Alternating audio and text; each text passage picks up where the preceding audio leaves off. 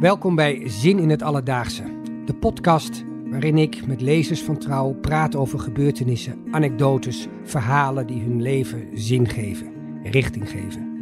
Ik ben Peter Henk Steenhuis. Vandaag spreek ik met Wilfred Ploeg. Hij kreeg toen hij geboren werd een kant-en-klaar zingevingsverhaal in de schoot geworpen. Maar het bleek niet te werken. Hij moest gedurende zijn leven een nieuw verhaal maken. Ik vraag hem, welk verhaal? Jij vertelde mij dat toen je in 1953 werd geboren, de christelijk gereformeerde kerk je een klaar, kant-en-klaar zingevingsverhaal in de schoot wierp. Ja, dat klopt. Wat houdt dat in, een kant-en-klaar zingevingsverhaal? Um, binnen die kerkgemeenschap uh, is het uh, verhaal van uh, Jezus en zijn verlossing, zeg maar, het hoofdthema. En het bekennen, het, het bekennen van je zonde en dat je Jezus nodig hebt als verlosser. Dat was een beetje het belangrijkste preekonderwerp. En dat gold dan voor iedereen. Dat gold dus ook voor mij. Dus als, dat, als je dat in je leven kon aanvaarden, dat dat het belangrijkste was, dan was je christen. En dat kleurde dan de rest van je leven.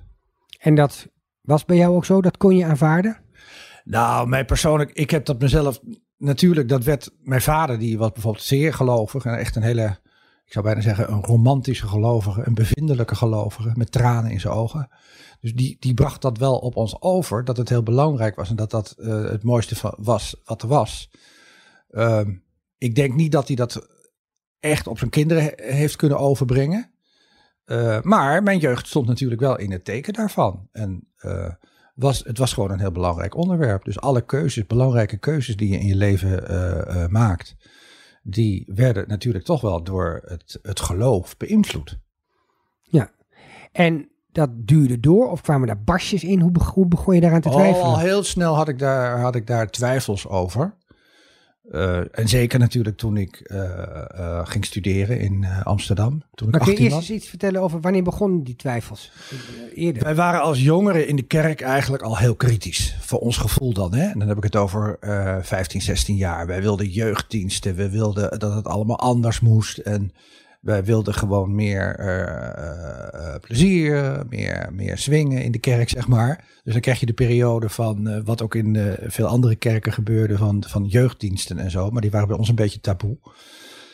Um, waarbij je natuurlijk ook kritisch gaat kijken van, ja, um, mogen wij alleen maar psalmen zingen? zijn er alleen maar mannen die dominee mogen worden? Dus dan ga je al overal kritisch, waar, waar halen ze dat vandaan? Dus wat wij wel heel erg leerden, dat was het discussiëren het voortdurend ook bekritiseren van de dominees die gepreekt hadden. Uh, want het was niet vanzelfsprekend dat iedereen even goed was. En ook altijd precies zei wat wij dachten wat er dat er gezegd moest worden. Ja. Dus daar, daar, daar zit natuurlijk al een kiem van kritiek. Een begin van kritiek. En die werd sterker eh, toen je ging studeren? Ja, toen ik ging studeren kwam ik... Dat was best moeilijk, vond ik in het begin. Want uh, ik kwam in Amsterdam. Mijn ouders dachten mij uh, keurig af te leveren bij de gereformeerde Vrije Universiteit. Maar laat die nou net helemaal rood geworden zijn. Althans, uh, qua studenten. Want diezelfde gereformeerde studenten die, waar, die, uh, waarvan wij dachten, die zijn wel betrouwbaar. En, maar die waren voor een groot deel lid geworden van de CPN, van de communisten. Is even dogmatisch, hè? Ja. dus van de ene dogmatiek in de andere. En dat deed ik, ik merkte bij mezelf, daar deed ik niet aan mee. Ik kwam niet verder dan de PPR, de Politieke Partij Radicale, die ik ook al heel erg, heel erg progressief vond.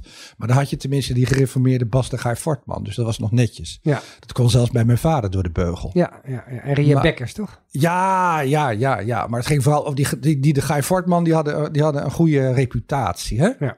Maar ja, dan discussieerde je met, uh, met, met, met, met medestudenten. En die waren helemaal niet gelovig. En dat vond ik heel lastig. Want ik dacht dus van, als je, dat had ik thuis geleerd, als je niet gelooft, um, dan kom je eigenlijk in de hel. Om het maar eens even plat te zeggen. Of dan gaat het niet goed met je. Mijn vader zei dan altijd, dan kom je aan het verkeerde eindstation moet ik altijd wel een beetje om lachen. Ja, ik dacht, hij heeft, heeft hij aandelen in de spoorwegen. Maar hij, hij, hij dus van die, van die vage... heb je daar ook wel met hem over gepraat? Van hoe ziet dat station er dan uit? Of? Nee, nee, niet. Nou, en bovendien, volgens mij wist hij dat ook allemaal niet. En de, hij zei dat ook niet, niet vaak, maar een heel enkele keer. Want hij was een blijgelovig mens. Ja. Hij zei altijd van wie echt gelooft heeft niet zoveel problemen. En als die problemen er zijn, die worden uiteindelijk allemaal opgelost. Dus hij was een, een, een, een, een, een uh, vrolijke uh, gelovige. Maar je moest natuurlijk wel via de ellende en de verlossing. Hè? Je kon niet zomaar bij de dankbaarheid uitkomen. Dat was even iets te snel. Dus het uh, was wel tegen de vrijzinnigheid. Dat weer wel. Ja, ja, ja. Maar jij was zelf dus niet zo. Jij, er, er kwamen barsten in dat geloof. Ja, nou ja, dat, um, um, in Amsterdam ben ik nog heel eventjes lid geweest van de plaatselijke christelijk gereformeerde kerk. Kwam er zo'n leuke jeugdouderling langs en zo. Uh, maar uiteindelijk ben ik al heel snel via vrienden ook weer in de uh, Keizersgrachtkerk terechtgekomen. En daar uh, zei dominee Peilman, dat weet ik ook nog heel goed. Nou, God is ook maar een mens. Nou, dat was voor mij een openbaring dat een dominee dat durfde te zeggen. Dus toen, ja, uiteindelijk ben ik toch een hele andere kant op gegaan. Ben ik toen ook wel behoorlijk actief geweest in die gereformeerde Keizersgrachtkerk. En brak de tijd aan van de vluchtelingen en het, uh, uh, ja, dat je je bewust moest zijn van dat je het, het koninkrijk der hemelen moest ook op aarde komen. Hè? Dus ja. ik kreeg meer een, een, een horizontaal karakter. En dan moest je dus de juiste koffie ook kopen. Ja, de Max Havelaar koffie. ja, of de Tanzania thee, ik weet niet hoe het allemaal heette. Dus de, eigenlijk vond ik later dan ook weer, sloop daar ook weer wat dogmatiek naar binnen. Van wie goed gelovig is, is ook wel linksgelovig. Ja, dat is de linkse kerk. En dus de linkse kerk werd geboren en er moesten natuurlijk ook meedemonstreren. Uh, hoe heet dat? Op het Museumplein gingen we met de hele Ke Keizersgrachtkerk naartoe. Want je was natuurlijk uiteraard tegen de plaatsing van de kruisraketten. Ja. ja. Ja. En in je persoonlijk leven, want daar heb je ook een ja. en ander in meegemaakt. Hoe ging dat? K qua geloofsleven of rela relaties? Relaties, ja, identiteit. Daar gaat het, nou ja, ik werd uh, op mijn, uh, ik weet niet hoe oud ik 27, 26, 27 was ik geloof ik, werd ik uh, verliefd op een man, op een collega van mij. Ik was getrouwd met uh, met een vrouw. En dat moet je er tegenwoordig bij zeggen natuurlijk. Vroeger was getrouwd betekende heteroseksueel getrouwd. Um, en het was eigenlijk een heel goed huwelijk. Open, vrolijk. Had me nauwelijks gerealiseerd dat ik uh, heel sterk verliefd zou kunnen worden op een man. En dat gebeurde in 1981 of zoiets. En ehm, ja, het was een beho behoorlijke schok. In de zin van, oh, dat bestaat dus ook. Uh, gelukkig heb ik dat wel altijd open en, en eerlijk met mijn vrouw kunnen bespreken. Wij bespraken altijd alles. Dus dit ook. En dat ging eigenlijk best wel. Ja, goed klinkt een beetje raar, maar het ging heel e eerlijk en open. Nou ja, we zijn terechtgekomen in een, in een stroomversnelling. En dat heeft wel zes jaar geduurd, eerlijk gezegd. Dus die stroom ging ook weer niet zo hard. In een beekje. Maar die soms ook heel hard storm, stroomde. Uh, waarbij we van alles en nog wat probeerden. Want we waren ook wel gek op elkaar. Want die, die seksuele voorkeuren liggen ook weer niet zo zwart-wit. Maar het stond als een paal boven water. Het was voor mij heel duidelijk. Ik moet hier wel gevolg aan geven aan die gevoelens. Als ik ze weer in de kast stop. Over kast gesproken. Hè, dan gaat het niet goed met me. Ik, moet, ik moet wel um, uh, daar iets mee doen. En dat, dat is ook gebeurd. Uh, maar dat ging natuurlijk met vallen en opstaan. En ook binnen dat huwelijk hebben we dat allemaal geprobeerd. Met een vriend erbij, zij met een vriend erbij. Kortom, een hele ingewikkelde agenda. En ook een ingewikkeld gevoelsleven. Verscheurd door twijfels. Wat moet ik nou doen? Uh, toen werd ik in 1982 heel erg verliefd op een, uh, een andere jongen. En uh, die was single, die was alleen. En ik was dus getrouwd. En ja, dat gaf al heel snel spanningen, zeg maar. Want hij wilde zich, uh, hij wilde mij alleen voor uh, hebben. Hij wilde volledige relatie met mij zonder dat ik met getrouwd was. En ik was er in die tijd gewoon niet aan toe. Dus uiteindelijk is dat uh, verbroken. Um, nou, dat was wel voor mij een dieptepunt in mijn leven. Een, een, een van de moeilijkste momenten die ik heb meegemaakt. Omdat ik dat, ik wist, ik wist niet waar ik goed aan deed. En ik wist niet hoe ik verder moest. Ik had ook eigenlijk een soort, uh, ja, hoe zal ik dat zeggen, uh, bijna religieuze, uh, existentiële nood. In de zin van, ja, aan, welk, aan welk adres kan ik dit, dit, uh, uh, deze twijfel, ook dit verdriet richten? Want ik was hem kwijt. Maar ik dacht, ja, ik raak mijn vrouw ook kwijt. Want ik kan, ja, ik wil, nou ja, ik voelde me lullig behandeld. Ik dacht, ik hou van twee mensen. Hoe meer zielen, hoe meer vreugd. Maar dat blijkt dus kennelijk in die geest niet op te gaan of zo. Ik weet, dus je bent geprogrammeerd op, op een andere manier. Ik kreeg dat niet voor elkaar. En ik vond dat ongelooflijk onrechtvaardig. Ik hield van allebei op een totaal verschillende manier. En uiteindelijk had ik het idee, ik raak ze allebei kwijt. En dat dus was een zingevingscrisis.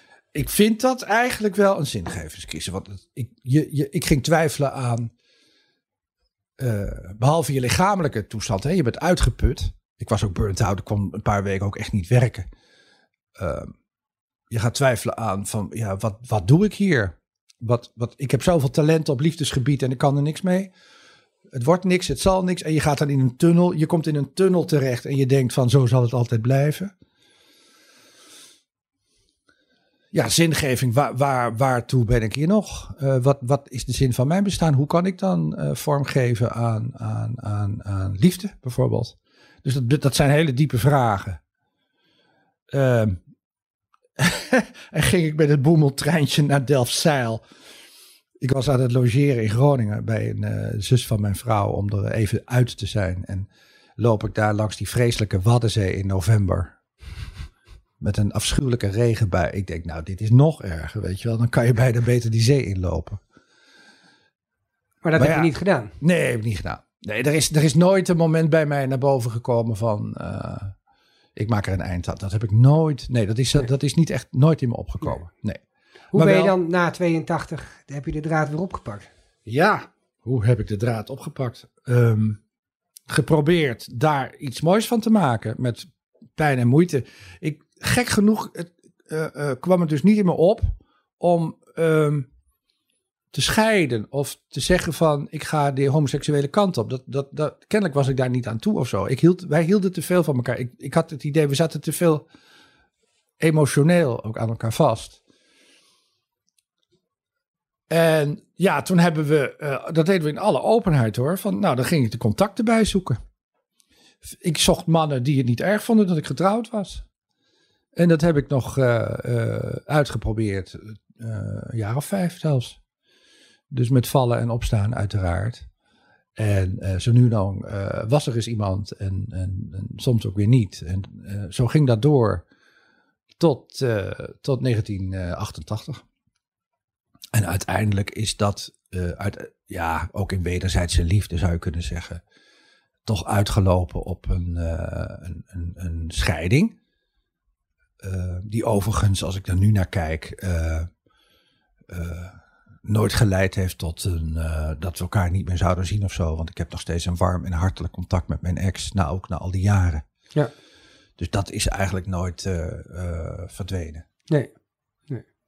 Maar toen was de weg vrij om het anders ja. aan te pakken. Ja, dat heb ik ook gedaan. Maar um, nou, dat was toch niet zo'n simpele weg. Dat was natuurlijk van, ik had een soort van ideaalbeeld voor me, zag ik voor me nou, dan heb ik eerst een, uh, een vrouw en dan heb ik daarna een man, weet je wel. Ik had een fantastisch leuk, gezellig huwelijk. En ik dacht, nou, het klinkt een beetje plat, maar van, van de ene, het ene model stap ik over op het andere model. Maar in wezen is het hetzelfde model, het romantisch liefdesideaal.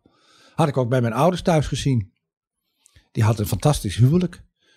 En ik dacht, ja, zo gaat het bij mij dan ook of zo. Nou, zo gaat het, maar ik, zo hoort dat te gaan.